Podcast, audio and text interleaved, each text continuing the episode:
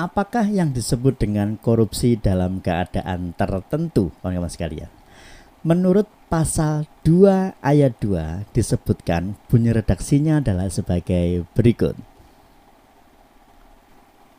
Dalam hal tindak pidana korupsi sebagaimana dimaksud dalam ayat 1 dilakukan dalam keadaan tertentu, pidana mati dapat dijatuhkan.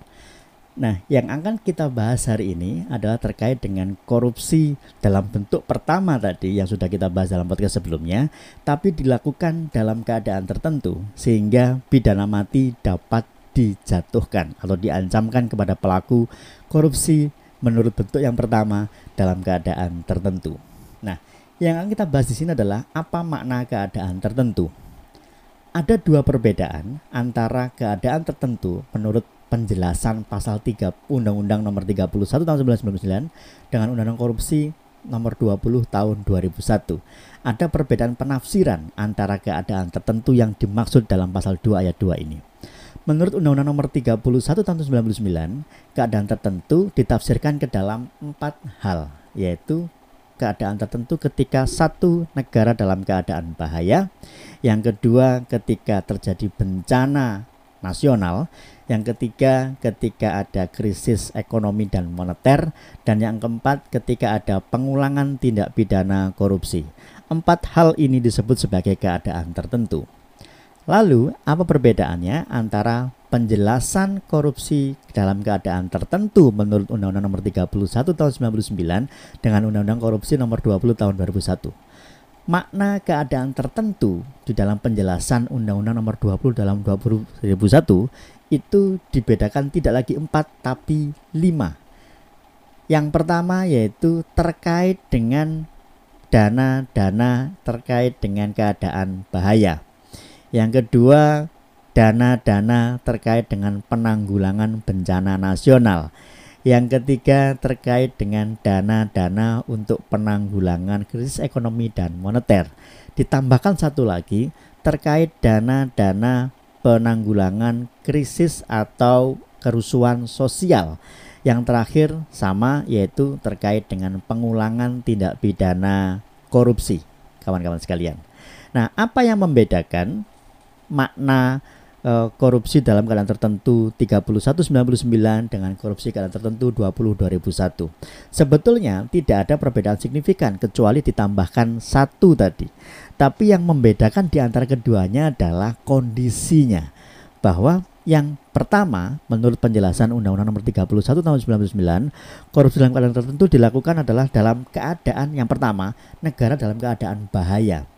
Yang kedua, perbedaannya yang apa Undang-Undang 20 2001 ini tidak dilakukan secara umum dalam keadaan bahaya tapi korupsi ini dilakukan terhadap dana-dana yang diperuntukkan untuk penanggulangan keadaan bahaya. Menurut kawan-kawan sekalian, makna 20 2001 lebih sempit atau lebih luas? Jawabannya adalah tentunya lebih sempit. Jadi yang pertama, ketika ada negara dalam keadaan bahaya, dilakukan korupsi di situ, di mana pun korupsinya dilakukan, di saat ada status keadaan bahaya, maka pelakunya dapat diancam pidana mati. Tapi di dalam penjelasan yang terbaru, maka ketika korupsi ini dilakukan khusus kepada dana-dana yang dipergunakan untuk penanggulangan keadaan bahaya, maka dia baru dapat diancam dengan pidana mati. Kalau ini dilakukan untuk korupsi di dana-dana yang di luar untuk yang diperuntukkan keadaan bahaya, maka dia dianggap korupsi biasa dan tidak dikategorikan korupsi dalam keadaan tertentu. Jadi perbedaannya sangat signifikan kawan-kawan sekalian sebetulnya walaupun tipis tapi sangat signifikan. Yang pertama terkait dengan korupsi dalam keadaannya, yang kedua korupsi yang khusus untuk dana-dana yang dipergunakan untuk penanggulangan keadaan tersebut. Nah, sekarang yang perlu kita bahas adalah apa makna keadaan bahaya sebetulnya. Jadi di Indonesia sangat lazim kita membandingkan antara makna negara dalam keadaan genting dan makna negara dalam keadaan bahaya, kawan-kawan sekalian. Konstitusi Indonesia Undang-Undang Dasar 1945 membedakan antara keadaan bahaya dan kegentingan yang memaksa di dalam pasal 12 Undang-Undang Dasar 45 dan pasal 22 Undang-Undang Dasar 1945. Keadaan bahaya diatur dalam pasal 12 yang bunyinya sebagai berikut. Presiden menyatakan keadaan bahaya, syarat-syarat dan akibat keadaan bahaya ditetapkan dengan undang-undang. Undang-undang yang dimaksud oleh Undang-Undang Dasar ini sudah dibuat pada saat itu yaitu Undang-Undang Nomor 23 Tahun 1957 tentang keadaan bahaya. Di mana dalam pasal satunya menyebutkan ada tiga kondisi yang dapat dikategorikan sebagai keadaan bahaya. Yaitu yang pertama adanya pemberontakan, adanya kerusuhan dan lain sebagainya. Yang kedua negara dalam keadaan perang. Yang ketiga adalah adanya keadaan-keadaan yang dapat membahayakan kondisi nasional. Ini secara limitatif diatur oleh Undang-Undang Nomor 23 Tahun 1957. Maaf, Perpu nomor 23 tahun 1957 kawan-kawan sekalian. Nah, kalau kegentingan yang memaksa ini diatur dalam pasal 22 dalam keadaan tertentu dalam kegentingan memaksa presiden dapat mengeluarkan peraturan pemerintah pengganti undang-undang. Nah, perbedaan di antara keduanya adalah bahwa yang satu ini keadaannya bahaya, yang satu kegentingan yang memaksa, yang sering kali ditafsirkan bahwa keadaan bahaya ini sering kali uh, apa kondisi yang menyebabkannya adalah dari eksternal atau lingkungan luar, sedangkan kegentingan memaksa kondisinya adalah karena faktor internal. Sekarang kondisinya adalah COVID-19, COVID-19 yang kemudian Presiden sudah membuat perpu juga, artinya kondisi kita sedang dalam keadaan kegentingan yang memaksa. Di awal-awal munculnya kepres dulu juga sempat dibahas tentang darurat sipil dan lain sebagainya yang seolah-olah dengan COVID-19 ini kita ada dalam kondisi keadaan bahaya kawan-kawan sekalian. Tapi faktanya sampai dengan hari ini hanya ada perpu yang ada dan statusnya adalah kegentingan yang memaksa sehingga muncul perpu tapi tidak dalam status keadaan bahaya. Sehingga di sini yang perlu kita bedakan bahwa antara keadaan bahaya dan kegentingan yang memaksa ini dua hal yang berbeda. Nah, yang disebutkan di dalam keadaan tertentu menurut Undang-Undang Tipikor adalah keadaan bahaya, bukan kegentingan yang memaksa. Sehingga ketika ada korupsi yang dilakukan terhadap dana-dana untuk penanggulangan keadaan bahaya ini, maka menurut penjelasan pasal 20 2001 pelakunya dapat diancam dengan pidana mati. Itu yang pertama. Yang kedua, penanggulangan terhadap bencana nasional. Nah, apa tolok ukur suatu bencana disebut sebagai bencana nasional? Kembali kita mencontohkan COVID-19. COVID-19 ini menurut Kepres 2020 juga disebutkan sebagai bencana non alam nasional. Nah, menurut Undang-Undang tentang Penanggulangan Bencana disebutkan bahwa ada lima kriteria untuk ditentukan sebagai keadaan bencana. Bisa dilihat dari um, dampaknya, bisa dilihat dari korbannya, meluasnya, dan lain sebagainya menurut undang-undang tersebut. Nah, COVID-19 ini sudah dipastikan dia adalah bencana non-alam nasional, sehingga ketika ada penyalahgunaan keuangan negara, ada korupsi, orang memperkaya diri dan negara dirugikan terhadap dana-dana yang dipergunakan untuk penanggulangan bencana COVID-19 ini, maka pelakunya sebetulnya dapat diancam dengan pidana mati berdasarkan penjelasan pasal 20 eh, penjelasan pasal 2 ayat 2 Undang-Undang Nomor 20 Tahun 2001. Berikutnya lagi kawan-kawan sekalian yang dapat diancam dengan pidana mati yaitu adanya korupsi terkait dengan dana-dana yang dipergunakan untuk penanggulangan krisis ekonomi dan moneter. Ini yang saya di luar bidang keilmuan saya, kapan suatu negara ditetapkan mengalami krisis ekonomi atau moneter. Sebagaimana kita tahu di tahun 98 kita mengalami kondisi krisis ekonomi dan moneter tahun 2004 kemudian di era Presiden SBY juga sempat 2008 juga kita juga sempat mengalami kondisi yang oleh sebagian orang dikategorikan kita mengalami kondisi krisis ekonomi dan moneter. Saat ini kembali dengan adanya COVID-19, apakah kita juga sedang mengalami krisis ekonomi dan moneter?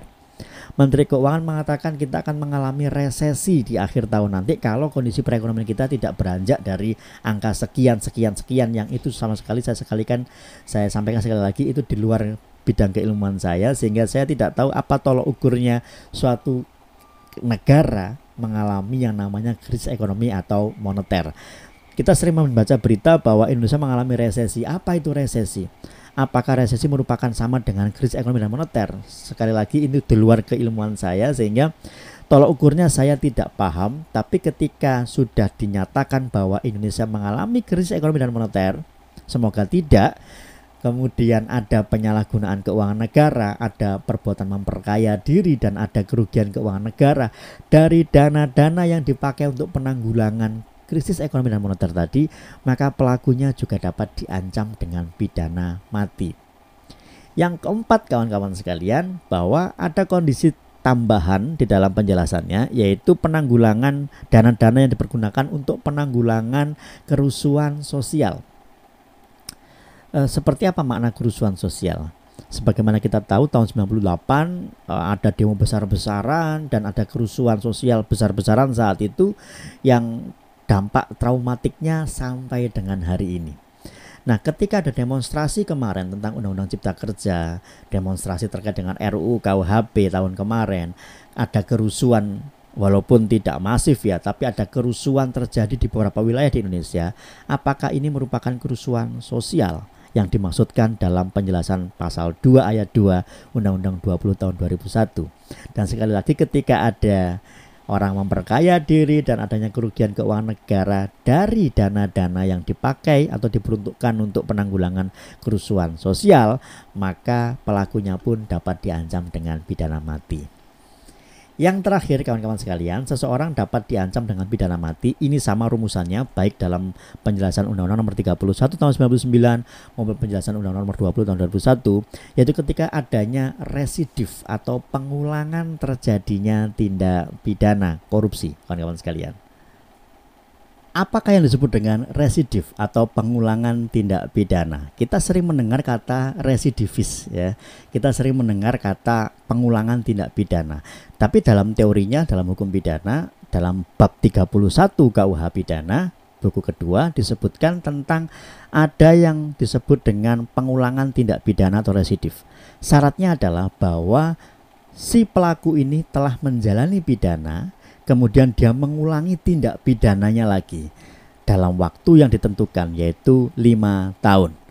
Dalam teori hukum pidana ada residif umum, ada residif khusus. Residif umum adalah dia melakukan tindak pidana yang sama dengan tindak pidana yang pernah dia lakukan dan pernah dijalani proses pidananya. Tapi residif khusus adalah residif terkait dengan tindak pidana-tindak pidana tertentu yang diatur dalam pasal 486 KUH pidana. Nah, bagaimana dengan kasus korupsi ini? Dia ditunjuk langsung oleh undang-undang pengulangan tindak pidana korupsi. Jadi dia sudah pernah melakukan korupsi, kemudian dia dipidana karena kasus korupsi. Ketika dia sudah menjalani pidana, sudah bebas dalam waktu lima tahun, atau kurang dari lima tahun dia mengulangi tindak pidana korupsinya lagi maka dia dikategorikan melakukan residif mengulangi dan ini masuk residif umum karena yang dilakukan adalah tindak pidana yang sama dengan yang dilakukan sebelumnya. Nah, ketika ada residif seperti ini, maka pelakunya dapat diancam dengan pidana mati, kawan-kawan sekalian. Tapi rekornya di Indonesia adalah tidak pernah ada yang disebut dengan residif atau pengulangan tindak pidana korupsi. Angkanya nol. Artinya seseorang yang pernah melakukan tindak pidana korupsi dia tidak mengulangi tindak pidana korupsi. Logikanya adalah selama ini yang melakukan tindak pidana korupsi adalah pejabat-pejabat di lingkungan pemerintahan di Indonesia. Nah, setelah dia menjalani pemidanaan dan dia setelah keluar, dia tidak menjabat lagi di posisi pemerintahan. Maka bagaimana dia bisa menyalahgunakan kewenangan? Bagaimana dia bisa korupsi yang bisa merugikan keuangan negara kalau dia tidak ada di lingkungan tersebut? Nah, pada uh, pemilu yang lalu sudah dipastikan resid uh, ex narapidana kasus korupsi ini boleh mencalonkan diri sebagai uh, anggota legislatif. Artinya adalah apakah nanti ke depan akan ada residif pelaku tindak pidana korupsi. Saya tidak me menuduh ex napi tindak pidana korupsi yang kemudian sekarang menjabat lagi di pemerintahan akan mengulangi tindak pidana tapi kenapa angkanya nol? Karena para pejabat itu yang dulu pernah melakukan tindak pidana korupsi dia tidak menjabat lagi sehingga dia tidak korupsi dengan perbuatan yang sama. Tapi bagaimana kalau seandainya dia pernah korupsi dan sekarang dia menjabat lagi, apakah potensi kriminogennya itu ada secara teoritis. Saya tidak menyebutkan satu atau dua pihak, saya tidak mengarah ke situ, tapi secara teoritis sekarang angkanya nol. Kenapa? Karena tidak pernah ada lagi pejabat yang menjabat lagi setelah dia dipidana kasus korupsi, kawan-kawan sekalian. Sehingga ketika ada pengulangan tindak pidana korupsi yang dilakukan oleh mantan narapidana korupsi, maka ancamannya dapat diperberat menjadi ancaman pidana mati, kawan-kawan sekalian. Bagaimana kawan-kawan sekalian? Apakah setuju kalau korupsi ini diberikan ancaman pidana mati dengan kondisi keadaan tertentu tadi? Banyak yang menyuarakan bahwa korupsi tidak perlu menunggu keadaan tertentu. Pelakunya bisa diancam pidana mati. Tapi silakan dikoreksi kembali, silakan dipelajari kembali negara mana yang sudah menerapkan uh, ancaman pidana mati untuk kasus korupsi dan bagaimana dampak terhadap penegakan hukum korupsi di negara tersebut. Sebagaimana kita tahu, negara terbersih korupsi Denmark, Selandia Baru, mereka juga tidak menerapkan pidana mati untuk kasus-kasus korupsi, kawan-kawan sekalian.